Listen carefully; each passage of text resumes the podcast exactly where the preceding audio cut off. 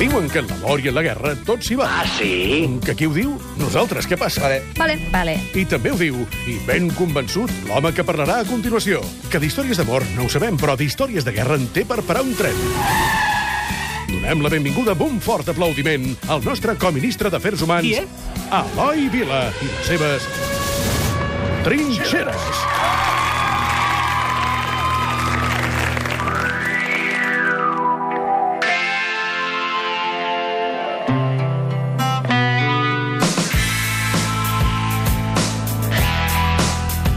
Bona tarda, Eloi, com estàs? Bona tarda, molt bé. Uh, escolta'm, uh, molt bé el programa. Moltes gràcies. No, és que ens agrada, ens agrada. Trinxera, és cada diumenge, a què, a les 10?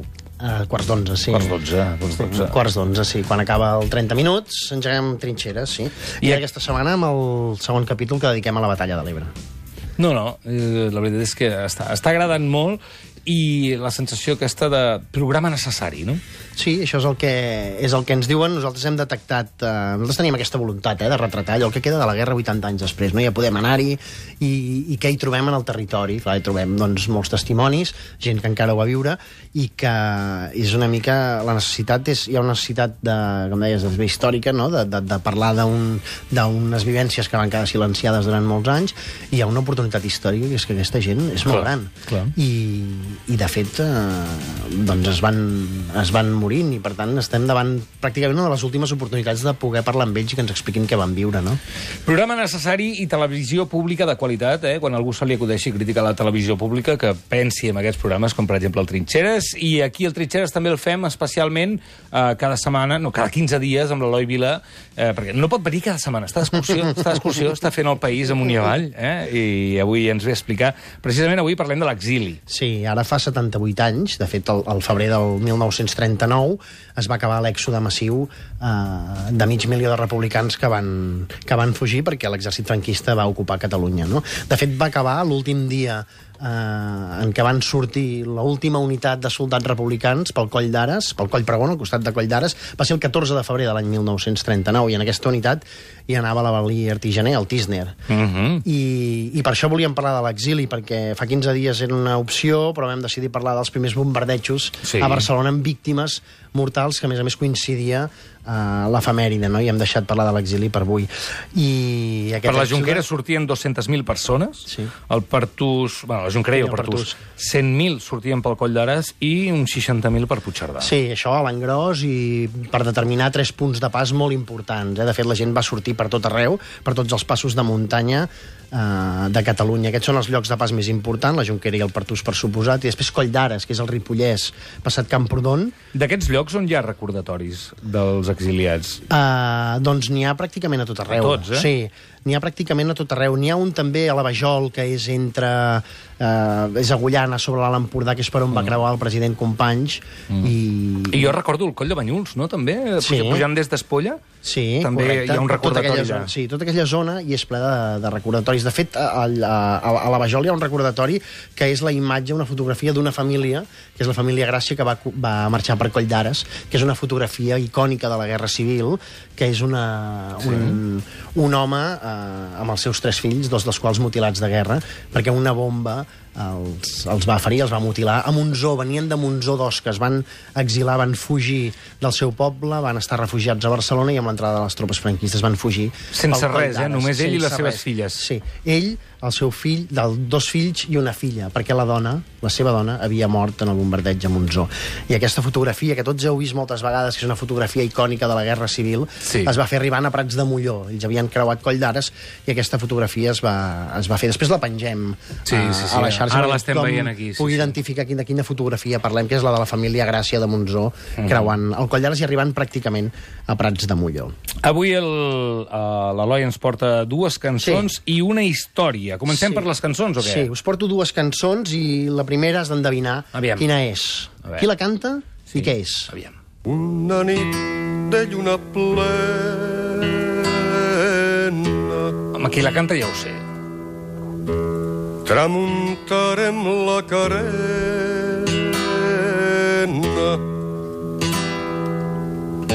lentament sense dir res Ovidi Montllor. Sí, senyor. si la lluna feia el ple també el feu la nostra pena.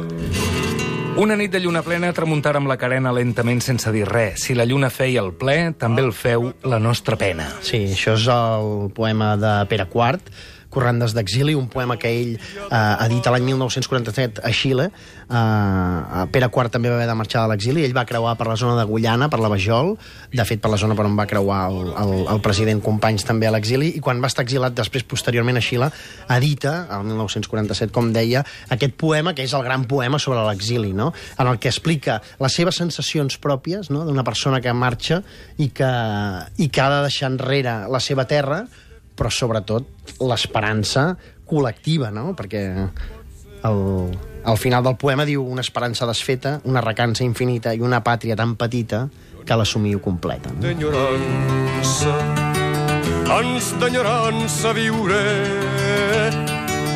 ans d'enyorança viure. I just abans diu, avui en terres de França i demà més lluny, potser. No em moriré d'enyorança, ans d'enyorança viuré.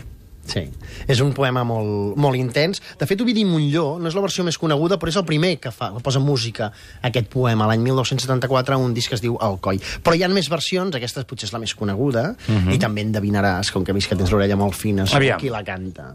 Una nit de lluna plena Enrique Iglesias. Remuntaren la carena lentament sense dir res. Si la lluna feia el ple, també el feu la nostra pena. L'estimada m'acompanya de... Perquè ens perdoni la guerra, que l'ensagna, que l'esguerra, abans de passar la ratlla magec i beso la terra i la carono amb l'espatlla. Sí, Lluís Llach. preciós. Lluís Llach, que ell la va musicar 10 anys després que Ovidi Montlló, el 1984, el disc T'estimo. I ara, últimament, eh, hi ha hagut una altra versió, Sí, que també perquè- és molt Caram. bonica, Sí. a partir de la versió de Lluís Llach, que és una adaptació que fa una dona i que sona així. Una nit de lluna plena Tramuntant amb la carena Ah, no sé qui és, eh? També.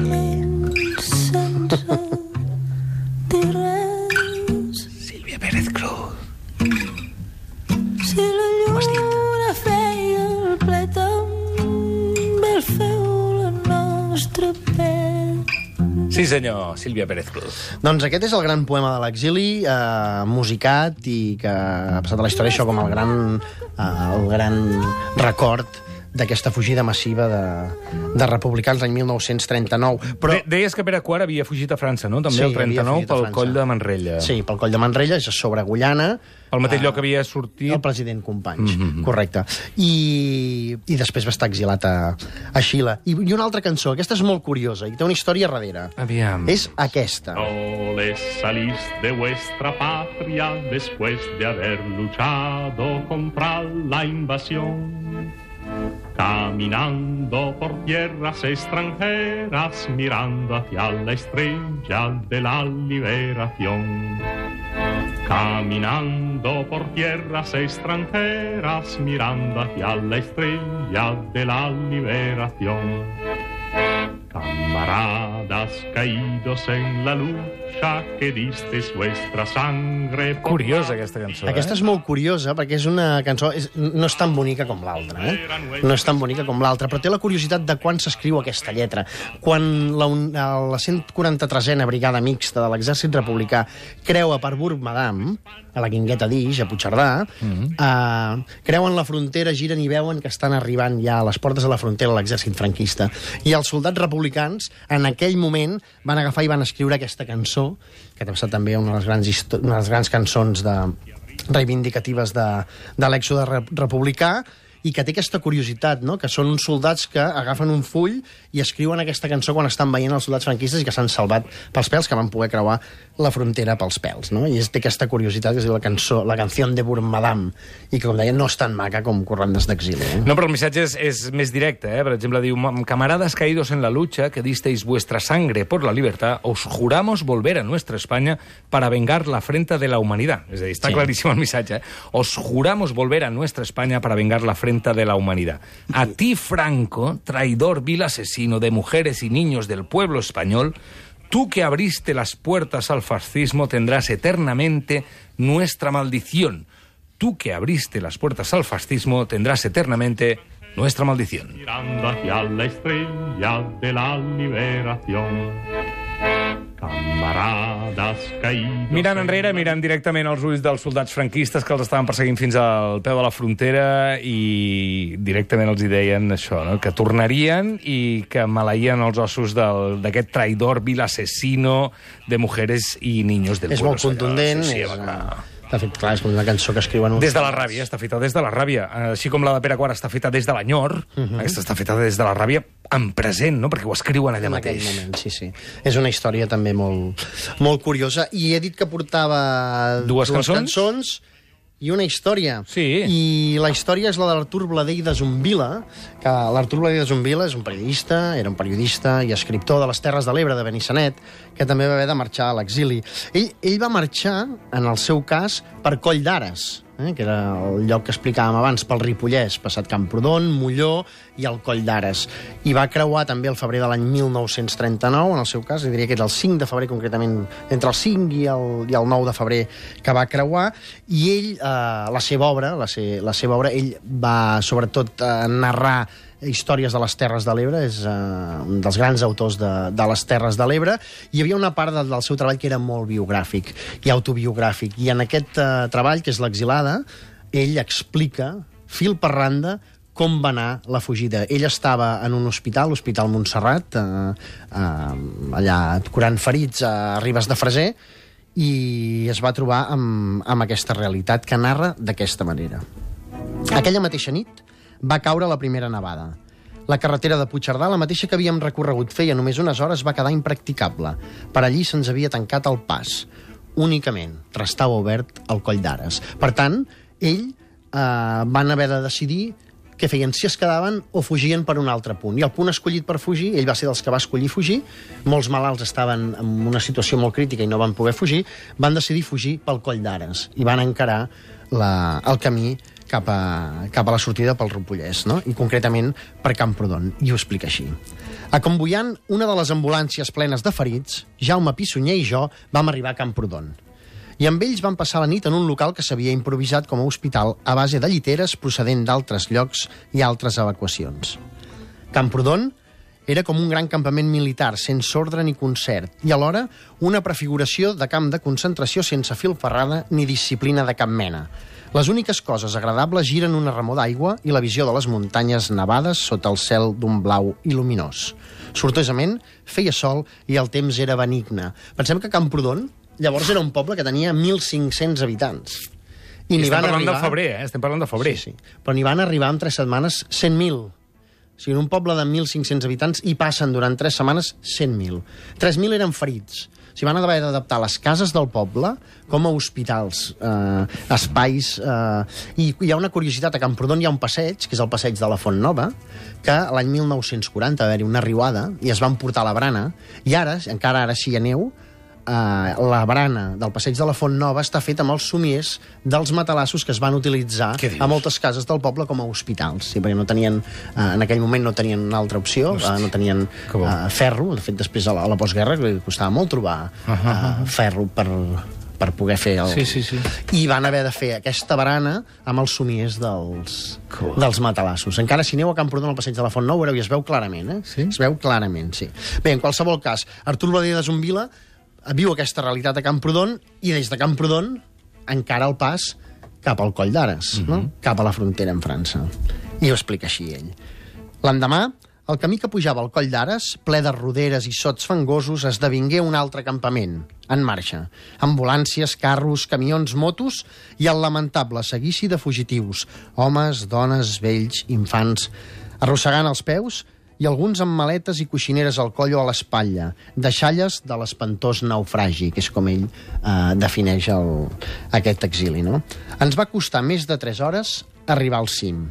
Anàvem al pas lent del seguici i de tant en tant giràvem la vista per veure la llarga corrua que serpentejaven els revolts i per una mena de comiat instintiu a la nostra terra. S'acabava un drama i en començava un altre. Qualsevol cosa que sembli fantasia no pot passar de ser una coincidència.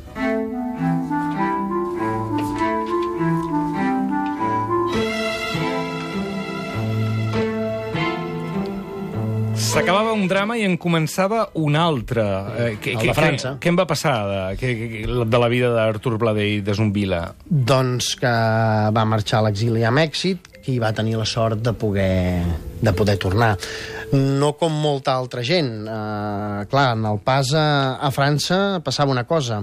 Dels que van fugir, la meitat eren soldats i l'altra meitat eren civils. Quan arribaven a la frontera, els soldats els desarmaven. Eh? En el cas de Coll d'Ares, si no a dalt al coll, a la frontera, sí el primer poble, que era Prats de Molló. Desarmaven els soldats, uh -huh. uh, l'exèrcit francès, T'enganxaven per tots els passos? És a dir, a tots els passos hi havia soldats No. francesos que t'enganxessin? No, per tots els passos no. El que passa que aleshores en el primer poble sí que hi havia unitats de l'exèrcit francès i el primer poble que trobaves quan arribaven a zones eh, amb, amb carreteres sí que llavors eh, es- hi havia això, el desarmament de, de l'exèrcit republicà. No?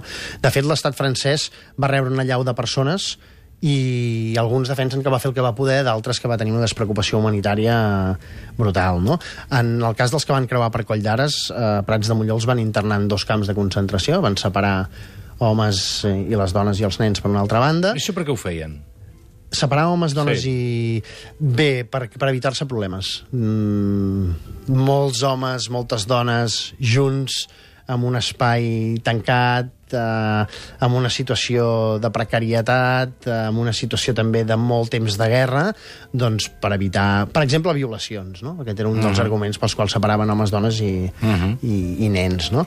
I, I aleshores estaven allà, en uns aquests primers camps de, diguéssim, de, de concentració, a l'espera de la construcció del que són els grans camps D'Argelers. d'Argelers, on hi van haver-hi entre eh, 85.000 i 95.000 eh, refugiats republicans, el de Sant, Sant Cebrià, hi van haver-hi 100.000 eh, persones internes, o el de Barcarès, que n'hi van haver 90 90.000, no?